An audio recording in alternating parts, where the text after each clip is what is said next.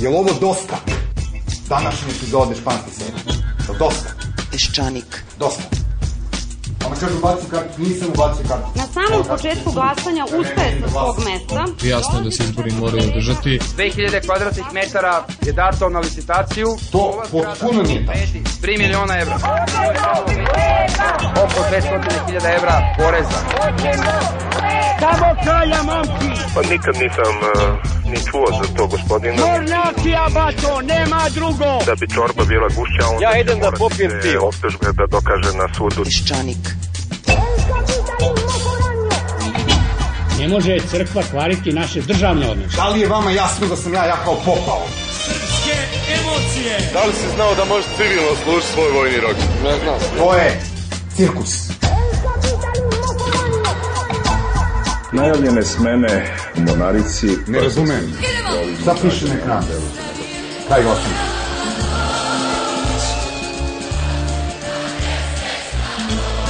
U toku istrage koja je započeta, bit će saslušani samo su imena pominjene. Pa ćemo vidjeti šta je prava istina. Peščanik. Hasta la vista, baby. Ovo je naravno Terminator, odnosno Conan Varvarin, trenutno u ulozi guvernera Kalifornije. Schwarzenegger je možda za pametne Amerikance uvreda, ali za nas je velika uteha. A Pored njega naša politička scena izgleda inteligentnije i nekako veselija. Za Schwarzeneggera je i naš nekadašnji predsjednički kandidat Bata Živojinović, Winston Churchill, Baja Pašić i Thomas Jefferson i to sve u jednom liku. A ova bivša austrijska porno zvezda, a mislim naravno na Arnija, slabije govori engleski od našeg premijera koji primetili ste već počinje da misli na engleskom pa mu se malo malo pomakne pre- i to pred nama Srbima neka engleska reč. Hasta la vista, baby. Sada je 4 sata i nekoliko bednih minuta, tačnije 7 minuta i u ovih nekoliko sati 11. oktobra vlada se drži na nogama, ali daleko je veče, pa onda sledi duga noć, što bi rekla Desanka Maksimović, u Srbiji dan ne zna šta noć sprema. Ajde da se prvo podsmevamo Amerikancima. Đorđe Pavićević sa Fakulteta političkih nauka i novinar Stojan Cerović imaju različito mišljenje o najnovijoj Švarceneggorovoj ulozi.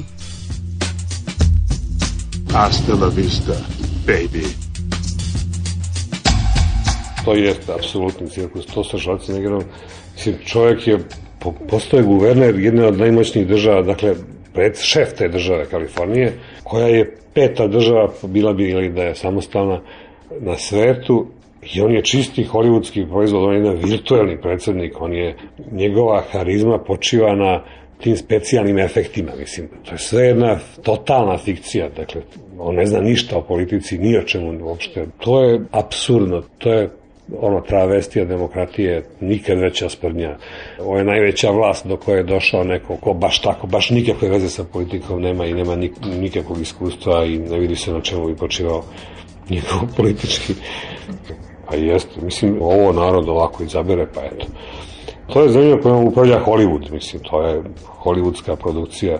Mi se žalimo nekad kako nas Hollywood, ne znam, truje raznim glupostima i stvori nam nekakve, ne znam, glupe, lažne, pogrešne vrednosti, ali treba samo da se setimo da su očigledno najveće žrtve Hollywooda oni koji su mu tamo najbliži. Dakle, Kalifornija više nego mi.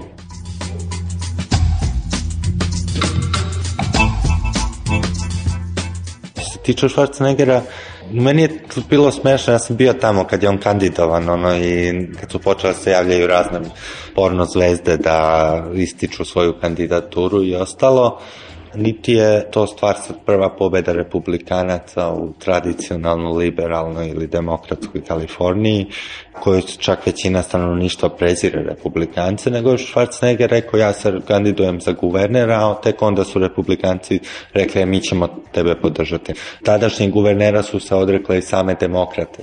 On ima verovatno sasvim ozbiljnu ekipu oko sebe i za sebe i to pokazuje ovaj njegov jučerašnji potez ili preključerašnji, kada je to već znači da je odmah nakon pobede zadržao, džentlmenski zadržao drugog kandidata demokratske stranke koji je bio drugi na izborima na mestu zamenika guvernera, da je dao tu čuvenu izjavu koju vidim danas Tirnanić u kuriru, stavio u Anterfile gore da da bi narod pobedio, politika treba bude poražena i tako dalje.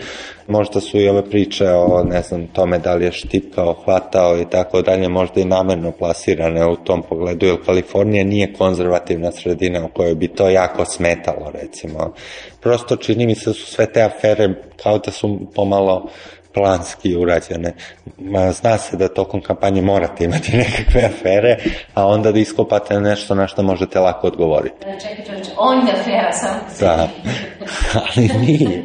Ima nečeg u tu svemu tome, ali mislim što je meni draže da se to događa da, nego da se nastavi ovaj trend koji je Bush poveo u američkoj politici, a to je da se toliko moralizuje čitava politika da na kraju će imati verovatno prvi put sledeće godine ideološku kampanju u svojoj istoriji, znači možda od Lincolna i od slučaja ropstva.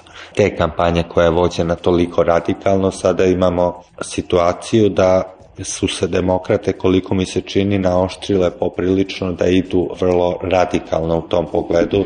Znači ne sada a, imat ćete malo veće plate ili veće će biti zaposlenost ako ja pobedim, nego kao prosto Amerika ide lošim pravcem.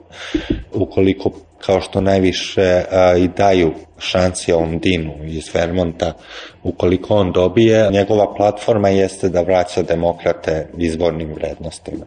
Koliko dobije neko kao Liberman, to je nešto što ne vidite razliku između republikanca i demokrate, a, ili sad ovaj nesrećni Wesley Clark koji pokušava da igra na tu kartu bezbednosti, sigurnosti, to jest pokušava da peca u toj paranoji koja postoji u Americi u tom pogledu.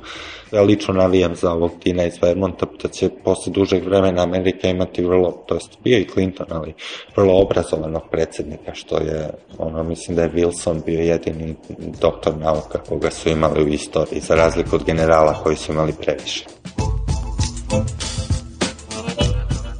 Ko možda na sledeće izbore za američkog predsednika kao kandidat se prijavi Janić i Karić Tata Karić je rekao da ga posla Ameriku zato da ga školuje, ne valjda da bude šef Srbije. A mi ćemo u današnjoj emisiji uglavnom se baviti naravno pitanjem svih pitanja ovih dana. Da li će vlada pasti i ono što je još važnije, da li bi za nas bilo bolje da padne ili da se nekako drži na nogama. U emisiji će govoriti ljudi koji ste već čuli, Stojan Cerović i Đorđe Pavićević i na isto pitanje odgovaraće i profesor Vojn Dimitrijević. Međutim, pre toga da čujete onako naj radikalnije učesnike naše današnje emisije. To su a, analitičari, tako da kažem, iz Centra za liberalno-demokratske studije. Oni izdaju jedan časopis, zove se Prizma e, i na promociji poslednjeg broja govorili su ljudi koji smatraju da vlada ne samo da mora pasti, mora pasti odmah ili smo ugasili. Profesor ekonomije Daniel Cvjetičanin, inače nova snaga Demokratske stranke Srbije, bio je onako poletno oštar i nemilosrdan, čak je uspeo precizno da izračuna skoro u dolar koliko nas košta 24 sata sa ovom vladom na čelu. Inače, dok sam ga slušala, uvijek mi je zanimljiva ta novo otkrivena hrabrost i beskompromisnost ljudi poput njega koji su mudro ćutali prethodnih desetak godina, doduše on se ponekad pojavljivao na RTS-u da nešto rekne, a, i na optuživali su koliko se sećam da je uzao, došle neke male pare, uzao kredit od neke državne banke, ali to je verovatno samo zato što je ušao DSS. Ovo je bila zla uzgredna napomena koja ništa ne znači. Sada je najvažnije da li je profesor Ćetičanin u pravu kada kaže da nas ova vlada svakog dana sve dublje zakopava.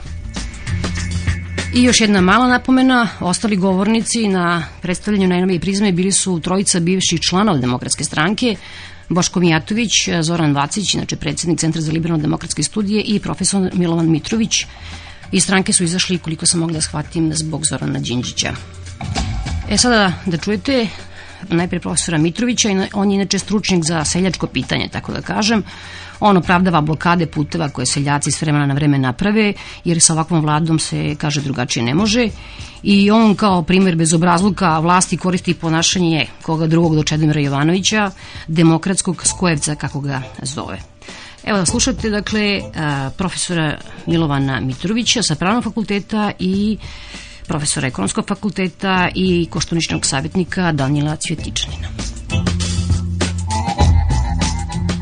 Mi smo sad videli ovih dana povodom 5. oktobra tu vrstu nostalgije za vremenima kad su nostalgija je povezano sa razočarenjem zašto smo šetali. Pa znate, to šetanje je zapravo bila reakcija na ondašnje okolnosti i znalo se da ukoliko se ne uspostave institucije koje će da zamene šetače, onih dana kad su počele te šetnje, znate, ja sam sa izvesnim brojem ljudi, među kojima su i neki, evo i Boško je jedan od onih razgovarao, pa i Vacić, u demokratskoj stranci, tad smo pričali, ljudi, jeste li vi smislili onog dana kad vam recimo Slobodan Milošević prizna rezultate izbora slučajno pod nekim pritiskom, šta ćete sutra da uradite sa šestačima, hoćete mi kazati, idite kući, ne trebate nam više. Sad mi možemo sami bez vas da vladamo. Hajde smislite bar nešto čime ćete da završite tu posljednju šetnju. Svi trojica smo otišli iz demokratske stranke upravo zbog toga što neki ljudi ja moram da priznam da se najviše, e, e, najviše o tome slabo sam razgovarao, da pokuša sad on, ako više ne mogu ja, da ubedi Zorana, Zorana Đinđića, dajte nešto, makar u formi manifesta demokratskog proglasa u kojem, evo, obećavamo da ćemo dalje, međutim nisu hteli oni da obećaju, znate. Ništa, a pogotovo da se, što bi rekli, seljaci napismeno obavežu. Znali smo nas trojice iz demokratske stranke, onda zašto je to tako. Zoran to nije hteo. Bog da mu dušu prosti. Evo prvi put sam u prilici sad posle da javno ga pominjem posle ovoga što mu se, što mu se desilo.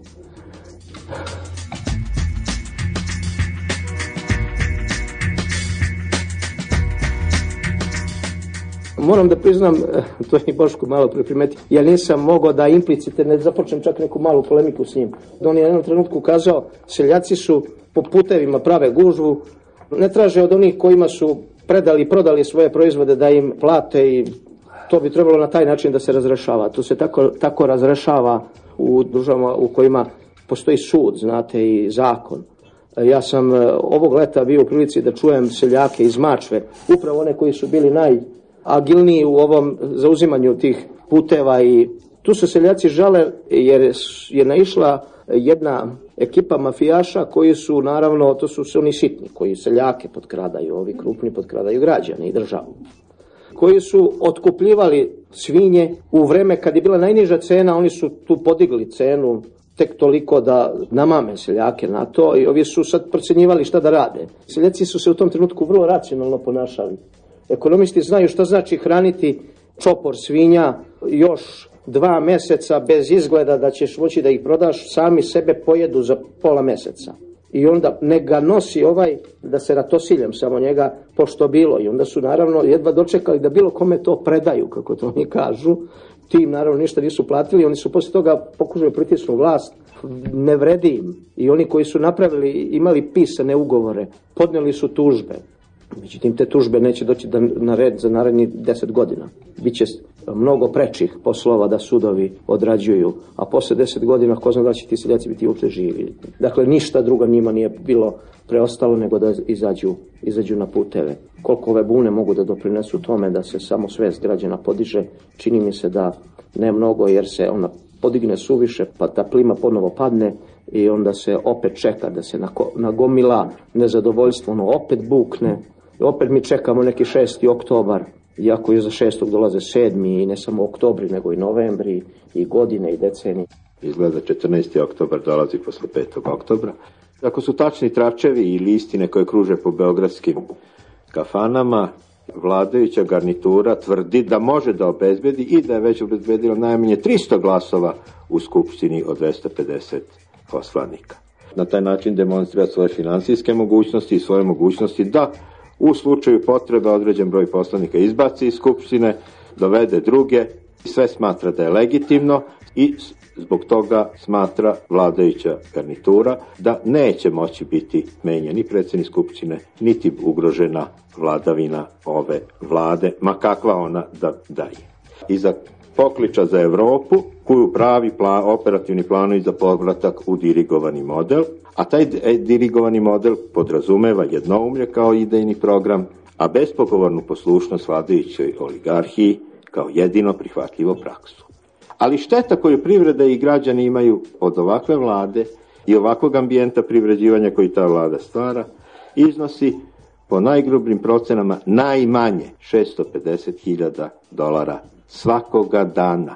Dakle, današnji dan košta građane Srbije 650.000 dolara, 10 dana 6 miliona i 500.000 dolara, 100 dana vlade proslava 65 miliona dolara. Za tu sumu već smo spremni tri delegacije da pošaljemo u razne delove sveta, da izmole donaciju u tom iznosu, a dovoljno bi bilo samo onemogućiti vladu, odnosno zaustaviti mandat ove i ovakve vlasti. Ta se vlada pouzdaje najviše u zakulisne manipulacije, u dominaciju medijima, pa i u, političku, u, u policijsku represiju, uzda se u strah i od javnosti ta vlada ne traži nikakvu podršku.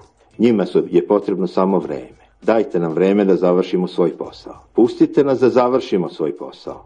Oni završavaju svoj posao, a rezultati njihovog posla stižu i sa dalekih okeanskih ostrava.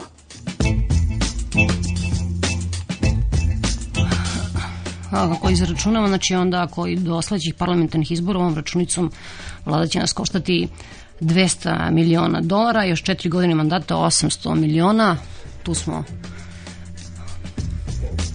propali načisto, a ovo je možda čovjek koji će pomoći da se o, iščupamo iz ove rupe, a rupa je velika, kako kažu lale, a lotre su nam kratke, možda Cvjetičanin ih produži, možda je on budući Boža Đelić ili Aleksandar Vlahović.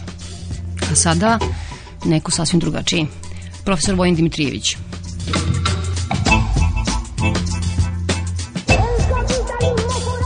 U posljednjih 24 sata ima nekih signala da će da se postigne neki dogovor i da se shvati da zapravo time što se obara vlada se ta agonija samo produžava i neki način odlaže, da svi zajedno, cela politička elita, bez obzira gde je, da ona pokazala jednu istorijsku nezrelost, tako da su se mnogi zanosili da mogu neku reputaciju koju su imali u nekim drugim područjima tako lako da prenesu u politiku, a da pritom ne, ne misle politički, ne vode računa da u toj čuvenoj kvadraturi demokratskog kruga, da oni zašto se žalažu moraju da dobiju podršku stanovništva na izborima, a da pritom ne mogu da se žale na stanovništvo e, i da treba da budu vođe, a ne oni koji se povode za trenutnim raspoloženjem.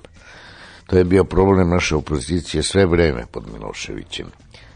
Da u strahu od njegove popularnosti koja je bila nesumnjiva na početku, onda se uglavnom gledalo šta otprilike narod misli, pa onda šta narod misli, mi ćemo to zastupamo nešto žešće od Miloševića.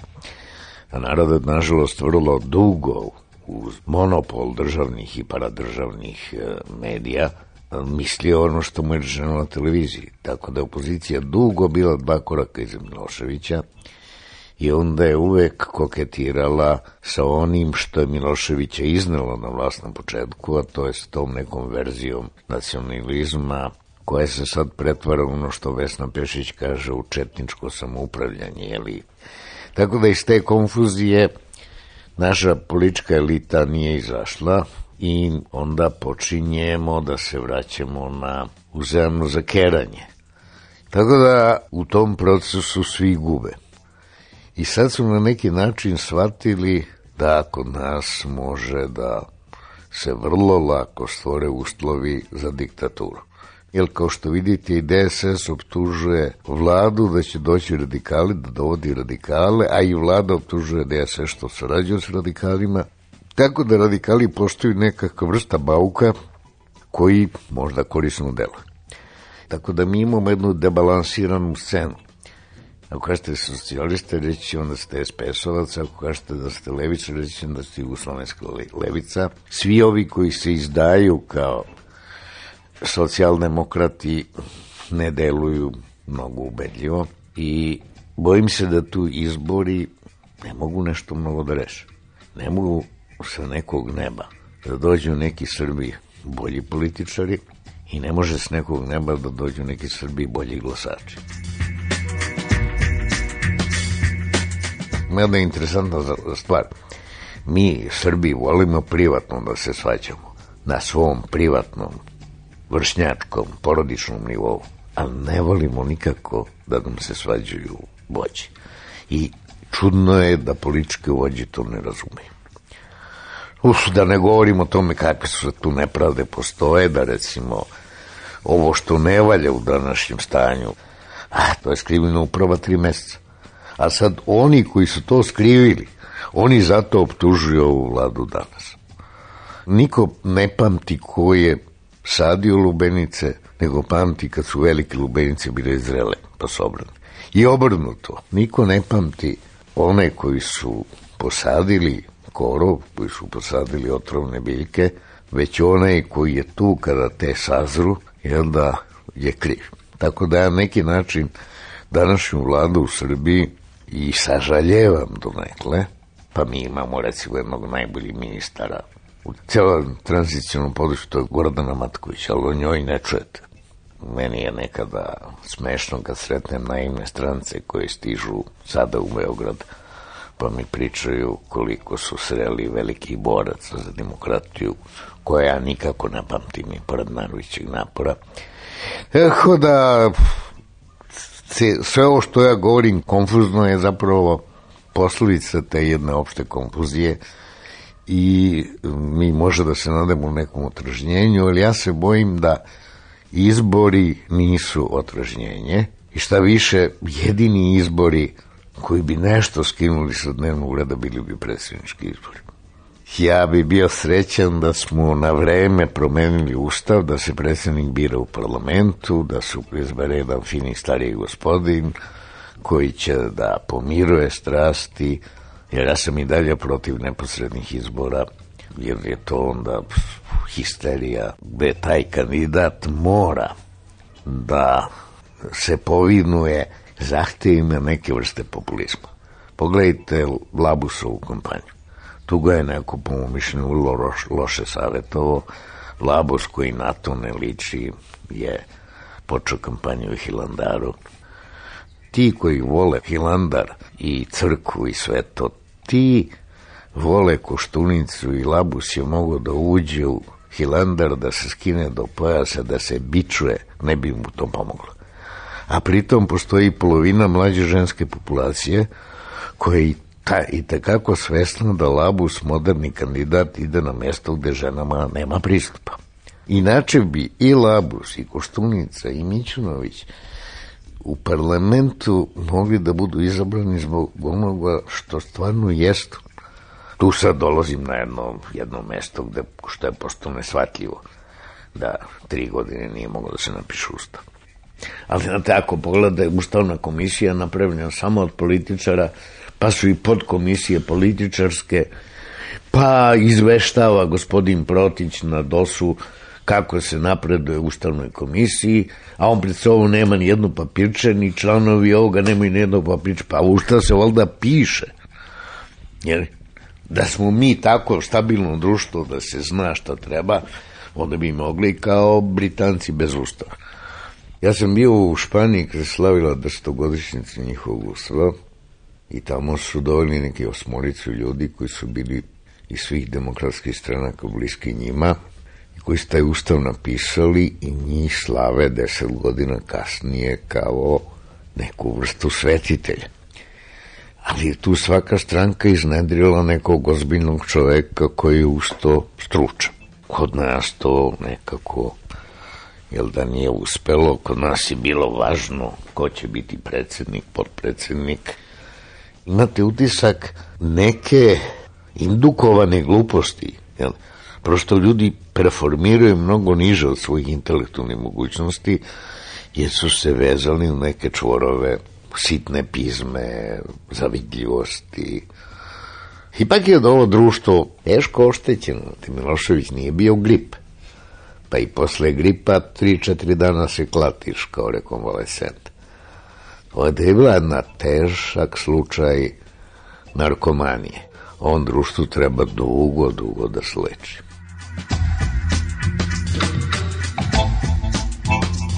Građanski savez nikada nije bio omiljen, ni danas nije omiljen, jer to je jedina dosledna stranka. Bila je protiv rata, bila je protiv nacionalizma, bila je protiv sve te šarene laže Miloševićog režima, kao što znate, velika većina ljudi je na početku obožavala Miloševića i ti ljudi i dan danas ne mogu da smisle oni koji su bili protiv Miloševića još dok su ga volali. Uzmite primer B92, njemu se ne prašta što je bio protiv Miloševića onda, dok smo ga mi neki drugi volali, kaže. Uzmite primer Stojana Cerovića kao ambasadora, kandidata za ambasadora, kakva se kampanja protiv njega povela i jedan od najboljih artikulatora te kampanje je neki Srđa Tripković koji piše stalno i ovamo i tamo koji kaže, znamo mi da je on bio protiv Miloševića, ali on je u suštini bio protiv Srpskog naroda. To je ono što je kamen na vratu građanskog saveza, kamen koji ja zajedno s nekim vrlo rado nosim. Ja vam kažem i dalje da je to jedina stranka koja može da napravi celu vladu. Međutim, desilo mu se ono što se dešava svim strankama. Prišao je vlasti, tu se desilo da se prosto neki ljudi izgube na tim položajima, da ih podmetnu za neke poslove koji recimo demokratska stranka ne može da uradi, da postavnu u nekim očima ukras zbog nekompromitovanosti, ipak sve se može reći u Granskom savjezu, još niko nije rekao da je neko u Granskom savjezu korupcionaš. Niko. Verovatno mislite na glasanje za radiodifuzni savet i verovatno znate da sam ja u javnosti istupao protiv članova svoje stranke. Međutim, ja moram sada da dodam da su u to jednoj pogrešnom potežu imali podršku Beogradske kancelarije OEPS-a. I da izgleda da u kancelariji bilo više ljudi koji su radili za neku sumnjivu kombinaciju nego što ih je bilo u Građanskom savezu. I znate, ako imate narodnog poslanika koji pred sobom ima pismo iz OEPS-a da se može malo prekršiti zakon, onda ne može toliko da mu zamerate. Da li postoji mogućnost da demokratska stranka pokuša da žrtve Natašu Mićić? To Građanski savez neće dopustiti. Ako ona bude žrtvana, vlada ne bude žrtvana, znači imamo jednu novu većinu. I u toj novoj većini Građanski savez neće učestvovati i u tom slučaju je raspoloženje da se Građanski savez uh, izađe iz vlasti, a mogu vam reći da ima dosta članova Građanskog saveza koji jedva čekaju da budu opozicija. Bio je profesor Vojin Dimitrijević, znači jedan od, od osnivača Građanskog saveza Srbije, a sada slušate novinara vremena Stojana Cerovića. Mislim da vlada u utorak neće pasti. Da li zaslužila da padne? Pa u stvari jeste iz raznih razloga. Pre svega zbog tog prilično velikog sad već nereda u Skupštini i to je jedna dosta velika zbrka koja ozbiljno diskredituje parlamentarizam u Srbiji i loše izgleda i pred spoljnim svetom, što nam je u stvari prilično važno ili kako ćemo da izgledati prema svetu. Sad, te afere koje su letos isprovaljivane, možda to nije dovoljan razlog da padne vlada, to je razlog da neki ministri ili neko, poneko izgubi mesto u vladi, ali s druge strane, ja se neću osjećati nekako spokojno ako ta vlada padne i neću misliti da smo mi kao zemlja nekako na dobitku. Bojim se da, da bi neka sledeća vlada, ako bi sad to bila vlada koju sastavlja opozicija, na primjer, sadašnja opozicija, da bi ta vlada možda bila gora od ove sadašnje. Čini mi se da je to verovatnije nego da bi bila bolja. Na primjer, ako bismo, dakle, ako vlada pada, ako imamo varedne izbore, ako na tim izborima neku većinu naprave, da osvoje DSS i G17 plus i uđu u postizbornu koaliciju i sad klope zajedno neku vladu, Meni se čini da bi tu bilo nešto eksperata iz G17 kojima ja delimično verujem, a delimično i ne baš mnogo. Ni oni me nisu ubedili u svoju neku visoku moralnu čistotu i načelnost, nego naprotiv, a s druge strane u DSS-u opet ima jako mnogo tih suviše tvrdih, zadrtih e, moralista ili ideologa pre svega, konzervativnih ideologa koji se odupiru svakim, svakoj promeni i svemu što liči na reforme ili skoro svemu. Ta vlada bila, one bi opet imali naravno iz raznih pretežno spoljnih razloga, ta vlada bi imala nekakav dnevni red koji bi morala da sprovodi nekim tempom, ali bi ga sprovodila lošije, sporije i bojim se da će sledeća vlada biti verovatno gora od ove koju sad imamo.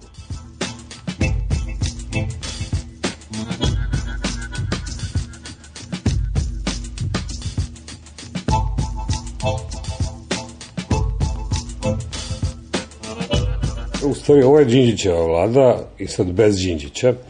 Dok je on bio živ, ta vlada je bila i tada prilično heterogena, ali on je imao do, dovoljno veliki autoritet da pokriva nekako tu vladu, da je drži nekako na okupu. I tada su ministri bili suviše samostalni i skakali su iz svojih resora vrlo često, to su lideri raznih malih stranaka koji su svi usput da promovišu i sobstvene stranke, a ne samo da volju državne poslove, ali u celini je bila dosta malo suviše raštimovana ta vlada. E sad, posle Đinđića nemamo ni taj centralni autoritet.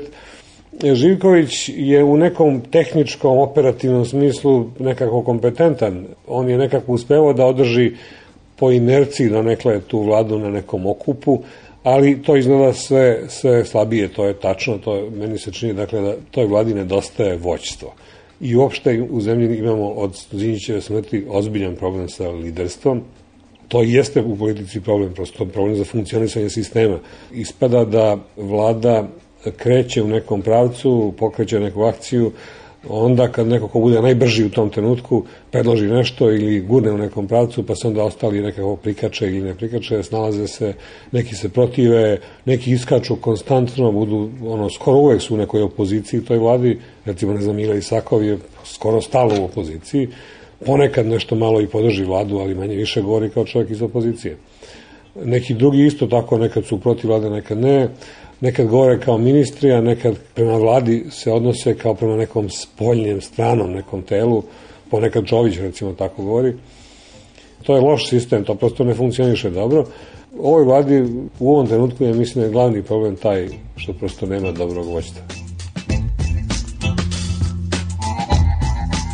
Problem je u tome što mi ne znamo šta se događa u demokratskoj stranci, Tačno je da je animozitet prema vladi, pa i prema demokratskoj stanci u velikoj meri fokusiran na Čedu Jovanovića. Njemu je stvoren jedan negativan imidž, on je tu lično zaslužen u velikoj meri, ali možda i ne baš toliko.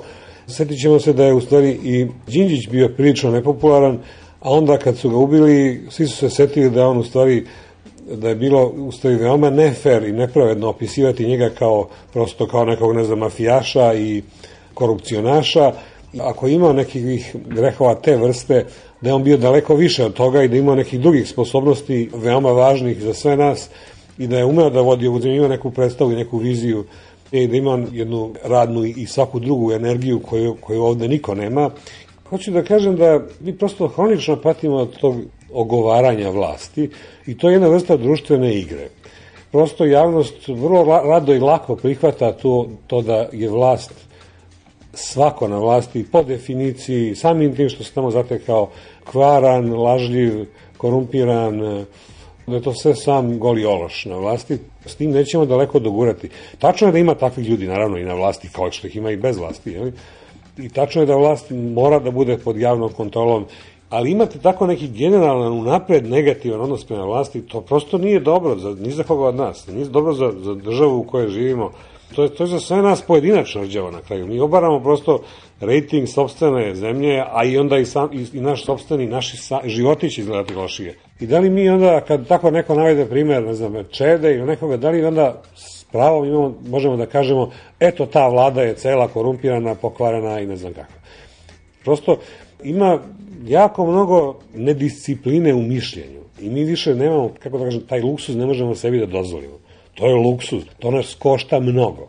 Ako na taj način razumemo, mi ćemo stalno biti u nekoj vrsti polurevolucionarnog vrenja, svi će biti posveđani sa svima neprekidno, svi će svima izgledati kao krajnji negativci to je rđavo stanje. Nijedni izbori nikad neće biti priznati. Svako će osporavati svačiji gest, svaki zakon, svaku proceduru I to ne može, prosto mi moramo da imamo nekakav konsenzus elementarni oko nekih stvari. Prosto ne mogu, nemaju pravo da se optužuju bez pokrića. Postoje onako dosta krupni prekršaj, fauli. Ne znam, jedan od novih je bio premijera Živkovića koji je tako faulirao G17 plus sa tom optužbom da su oni da je to taj poslanik koji je pešao kod njih možda tačio poslanik. To se zbija ne radi na taj način. I oni su sami, naravno, G17 Plus je takođe veoma nekorektan, vrlo često u tim kampanjama, naročito Dinkića i Labus. Ne znam, ajde da kažemo da je to nekakav tranzicioni proces, da će valjda se učiti vremenom nečemu, ali u ovom trenutku to ne izgleda baš naočito dobro.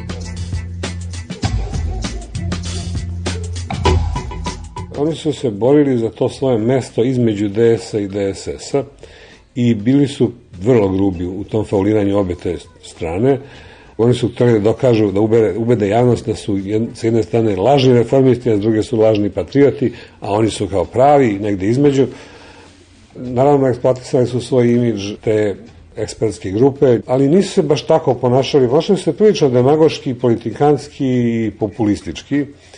Njihova, meni se nije dopala osnovna njihova ambicija da se osamostale i da postanu tako jedna od vodećih stanaka po cenu cepanja tog jednog, ajde da kažemo, modernističkog, reformatorskog, recimo proevropskog krila ili struje u Srbiji, koje inače krilo nije bog zna kako većinsko i jako, u toj tranzicionoj situaciji nije zgodno ako se još i taj verovatno zapravo manjinski deo javnosti podeli na G17 plus i DS ili DOS, Oni su sada najzaraćeniji, najviše sukobljeni na celoj sceni, tako da je to najmanje verovatna koalicija. Izgleda da će pre e, G17 plus ići u koaliciju sa DSS-om nego sa DOS-om ili DS-om. I mislim da je to onda prosto smanjuje naše šanse da nekako prođemo što bolje kroz taj jedan inače protivrečan i, i komplikovan period tranzicije i prilagođavanja nekoj, nekim evropskim standardima i normama. Dakle, to mi se nije dopalo, A drugo, oni su onda pokazali tako spremnost da eksploatišu vrlo demagoški neke sporne i osetljive teme kao što je, ne znam, suverenost Srbije u odnosu na Crnogoru, da to pitanje zajedničke države, to nije trebalo da otvaraju, prosto to je, jeste jedan jeste to problem, ima tu nekih argumenta i za, za tu poziciju koju su oni hteli da zastupaju u nekom trenutku, ali to je bilo destruktivno prosto otvoriti tako pitanje na taj način. Mislim da postoji takođe nešto što pomalo nefer, rekao bih, u njihovom Oni su prvo dugo parazitirali kao ekspertska grupa, parazitirali su na drugim strankama, ako ima smisla upotrebljavati nekakve moralne argumente, oni se nisu ponašali naročito moralno u procesu formiranja stranke i borbe za neko prvo mesto. I sad traže prosto ono, traže sve, ponašaju se kao velika stranka, a nikad još nisu izašli na izbore. Bilo je dosta razloga da, da polažemo velike nade u te ljude iz G17+, ali nekako mi se čini da su se u velikoj meri diskreditovali među vremenu.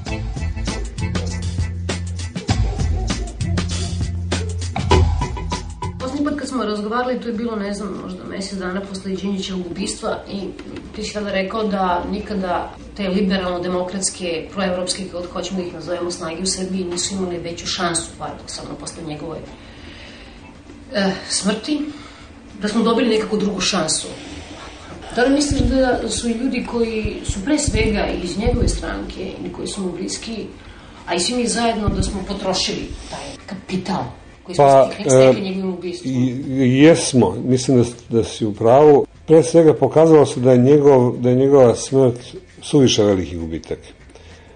Nije bilo prave zamene za, za njega i za to vojstvo njegovo, za to što on mogao da to izgleda kao da neko sad navija za nekog jakog vođu. Nije to u pitanju. Prosto u zemlji u kojoj nemate baš dovoljno stabilnih institucija i nekih usvojenih čvrstih pravila igre, vrlo je važno kakvi su vam ljudi na čelu. Taj problem liderstva koji inače svuda važan, mislim svud postoji prosto e, i u stabilnim demokratijama i iskusnim državama vrlo je važno ko je na čelu stranaka ili vlada Tako da jeste zemlja ostala u stvari bez voćstva u pravom smislu.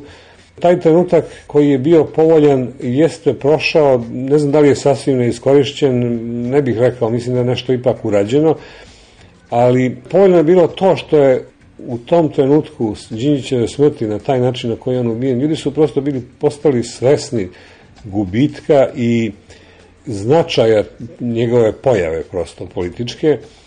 I mislim da su bili spremni jako da podrže sve što je ličilo na nekakav kontinuitet nastavak te Đinjićeve politike, ali nije bilo nikoga ko bi to uvezao u jednu i stvorio neki harmoničan tim i organizovao to dovoljno dobro. Prosto vidi se da niko nije imao dovoljno jasno osjećanje odgovornosti za ceo taj poduhvat, Tako da e, taj potencijal koji je bio stvoren tim raspoloženjem posle Đinđićevog ubistva jeste nestao u velikoj meri. Niko više ne može da izvuče nekakav politički kredit tvrdeći da je, ne znam, on nastavljač Đinđićevog, Đinđićevog dela.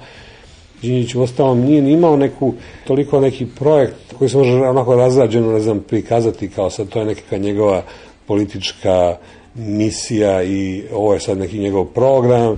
On je bio lično prosto kao osoba e, dosta važan za sprovođenje tog, te namere. On je imao jednu osnovnu nameru koja je bila prepoznatljiva, je li to integrisanje u Europu i izbilje je krčio taj put i imao je ambiciju da ukloni sve prepreke najbrže, najbrže što može. Bez njega to prosto ne ide tom brzinom. Bio je ovo Stojan Cerović, a sada slušate politikologa Đorđe Pavićevića. Prosto previše ima tog tereta na sebi vlada. Mali broj ljudi je spreman to da nosi. Verovatno su spremni da nose samo oni koji imaju neke neposredne koristi ili koji učestvuju direktnije u deobi kolača.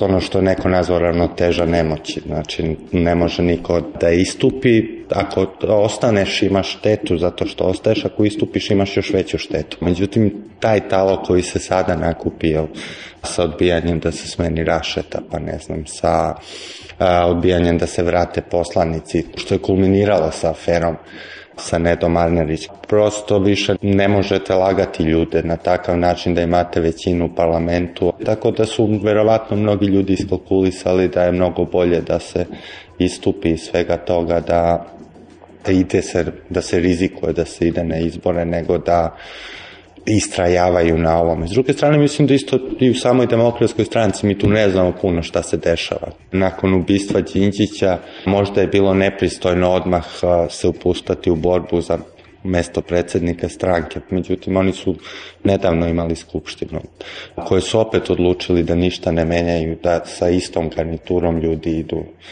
na izbore, a i već na prvi pogled ne treba neke naručite pameti, da se vidi da su to različiti ljudi. Mislim, Živković, makoliko pomalo sirov u svojim nastupima, ipak ima, čini mi se, nekakav prak koji ne želi da pređe. U svojim istupima negde pokazuje da nije od onih ljudi koji bi zadržavali vlast po svaku cenu. Svi govore o ovom drugom krilu koje je mnogo gore. znači, ne znam, Jovanović, Beba Popović i Vesić i tako dalje. Da je ta grupa ljudi neko ko prosto više stalo do vlasti nego do bilo čega drugog. Ima verovatno kod nekih ljudi i onoga da su ušli u nekakav posao koji ne žele da sada prekinu zbog trivialne stvari kakve su izbori. I naravno sve veća popularnost Tadića koji je svojom voljom ili ne krenuo u ozbiljnu reformu vojske i to je ono što mu donosi u javnosti dosta poena, mislim. Mada kažem i on je imao te svoje gafove, recimo istog dana kada je NATO saopštio da mi ne možemo imati više od 50.000 vojnika, valjda nije slušao vesti pa je rekao da mi ne možemo da plaćamo više od 50.000 vojnika i da je to razlog što mora da se, da se skreše. Tako da došlo je do kočenja, prosto do nesposobnosti vlade da bilo šta sprovede kada je došlo toga da se preispita rad ministara u vladi i onda se ispostavilo da će vlada imenovati ljude koji će kontrolisati rad ministara u vladi, što je prosto besmislilo čitavu stvar od samog početka, tako da sad sam ubeđen da će izbora biti jako brzo i to je ono da li će to biti raspisane već ovog meseca, što je verovatno. Što kasnije, to je gore po sve.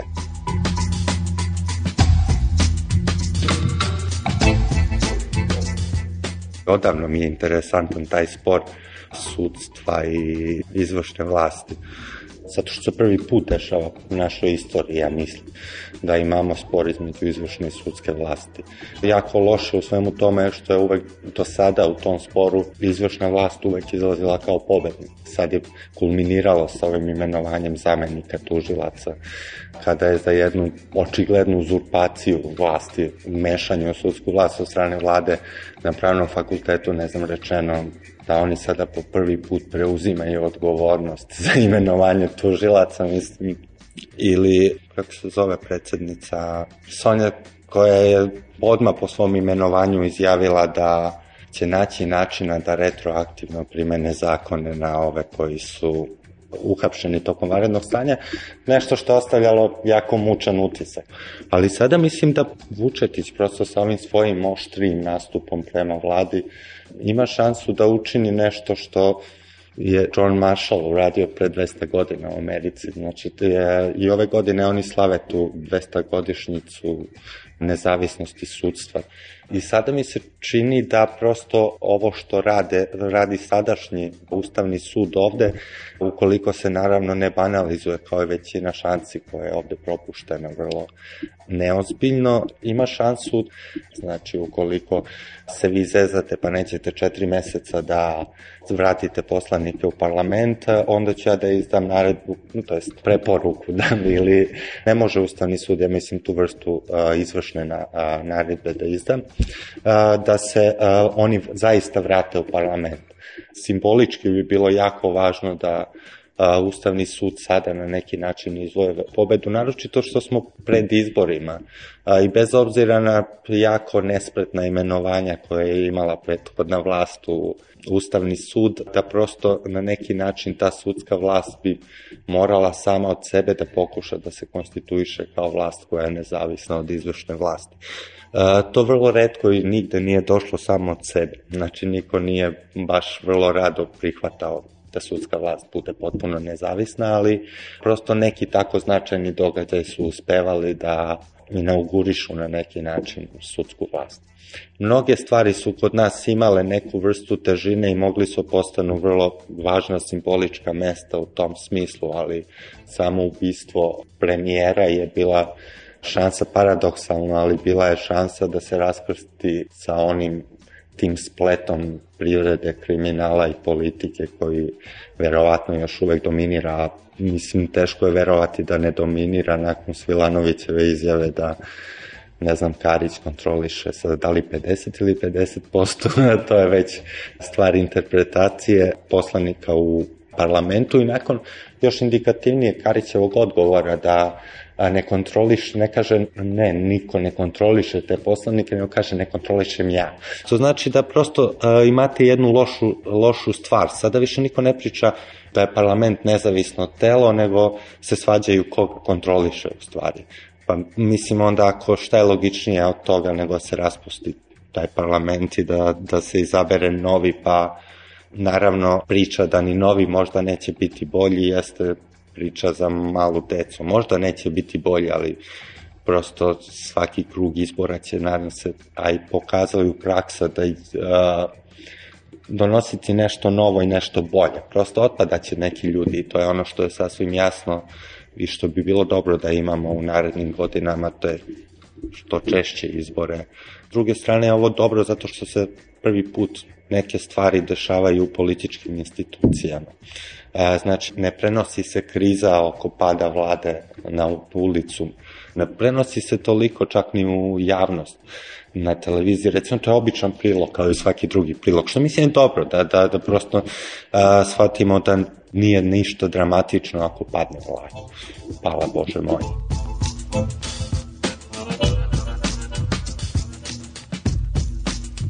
Znači, kada god su duboke krize, ne možete ići na to da vi kao jedna strana uzmete sve da pobedite. Tu ima milion primjera. Ako pogledate primer, ne znam, oko radiodifuznog saveta, šta je bio problem? Bio problem u nepoštovanju procedure. Oni su čak odbili da ponove čitavu proceduru sa kojoj je sasvim izvesno da bi postojao isti ishod. Ako ne u slučaju Radenovića, za Cekića i Vladu Cvetkovića sasvim sigurno. Ne, o, kao da je nekome bilo stalo da to telo u stvari bude tako telo sa mrljom. Pa ukoliko vam se ne svide odluke tog tela, vi ćete reći pa da, to su doneli oni koji onako nemaju legitimitet da donesu. Još ako stoji namera iza toga da se podele frekvencije, da se distribuira ta moć na način na koji ja hoću i koji meni odgovara, onda je to prosto jako loše jer će dati legitimitet nekom budućem savetu da poništava sve to i onda ćemo se već tu u krugu vrtati. Stalno ćemo se okretati unazad da ispravljamo ono što je neko drugi zabrljao. Meni je malo Živkovićevo ubeđivanje 5. oktobra na baš u vestima B92 da je gotovo sve urađeno od predizbornih obećanja DOS-a, ličilo malo na slobine mostove, onako da, a, s tim što je Crivko isto dosta nespretnije radio, bilo je onako kao, da vidimo šta ima tu, da, to urađeno, to je u proceduri, to je gotovo, to samo što nije gotovo i tako dalje. Kao da se, ne znam, kada neko pravi spisak stvari koje treba kupi na pijaci, pa onda pogleda kada se vraća. Ali to je malo situacija kada bro tone ili kada Mislim ta izjava da je to Tačeva ekspozitura i tako dalje. Da, da, da, da, da je taj poslanik u stvari Tačeva ekspozitura. Meni to delo je malo očajnički, moram da priznam to je kao, ne znam, kada malo dete onako ne može da podnese nešto, pa vidjet ćeš ti ili ne znam, ako ne mogu da se odbranim, onda ću probati da nanesem štetu tebi. Mislim, oko G17 je sada potpuno jasno da oni ništa ozbiljno G17 nisu mogli da nađu. Ja te vratim u ruci mi strela čas te vidim, čas nestaneš, senka ti je bela. Jedne noći, tamne noći, bez meseca, ja ću tebe svesti dragi, bit ću te kao zeca. Ceo svet, cela Srbija, uključivi Kosovo i Metohiju, znaju da ova vlada ima podršku parlamenta. Pada zvezda, pada soko siva ptica, Pada osmeh samog lica i sneg pada pre Božića, pada čovek posle pića, pada duša od umora. I noć padne kad je zora. Ta nervoza se ispoljava zaista više nego neslovislom jučerašnjom izjavom gospodina Živkovića koji sada pominje i Tačija. Pada, pada, pada, pada, šta to pada? Pada, Već su mnoge pale vlasti, pa ćeš i ti dragi pasti, pada, pada, pada, pada, pada, pada, pada, pada. Šta to pada, pada, vlada. Mi imamo 129 poslanika koji su čvrsti, odnosno bili su čvrsti sinoć. Da li je u toku noći e, neko iz G17 plus rešio egzistencijalne probleme nekom od naših poslanika, to sad još ne znamo. Pada, pada, pada, pada, šta to? Pada, pada! Već su mnoge pale vlasti, ćeš i ti dragi pasti pada, pada, pada, pada, pada, pada, pada, pada. Šta to pada, pada, vlada? Mi smatramo da je Nataša Mićić uradila jedan ogroman posao u parlamentu. Mi je smatramo simbolom promjena. Pada, pada, pada, pada, šta to pada? Pada, pada! Već su mnoge pale vlasti, pa ćeš i ti dragi pasti. E, to je moj predlog, nije to predlog vlade. Tako da ne znam ni sam šta vlada demantuje. Pada, vlada.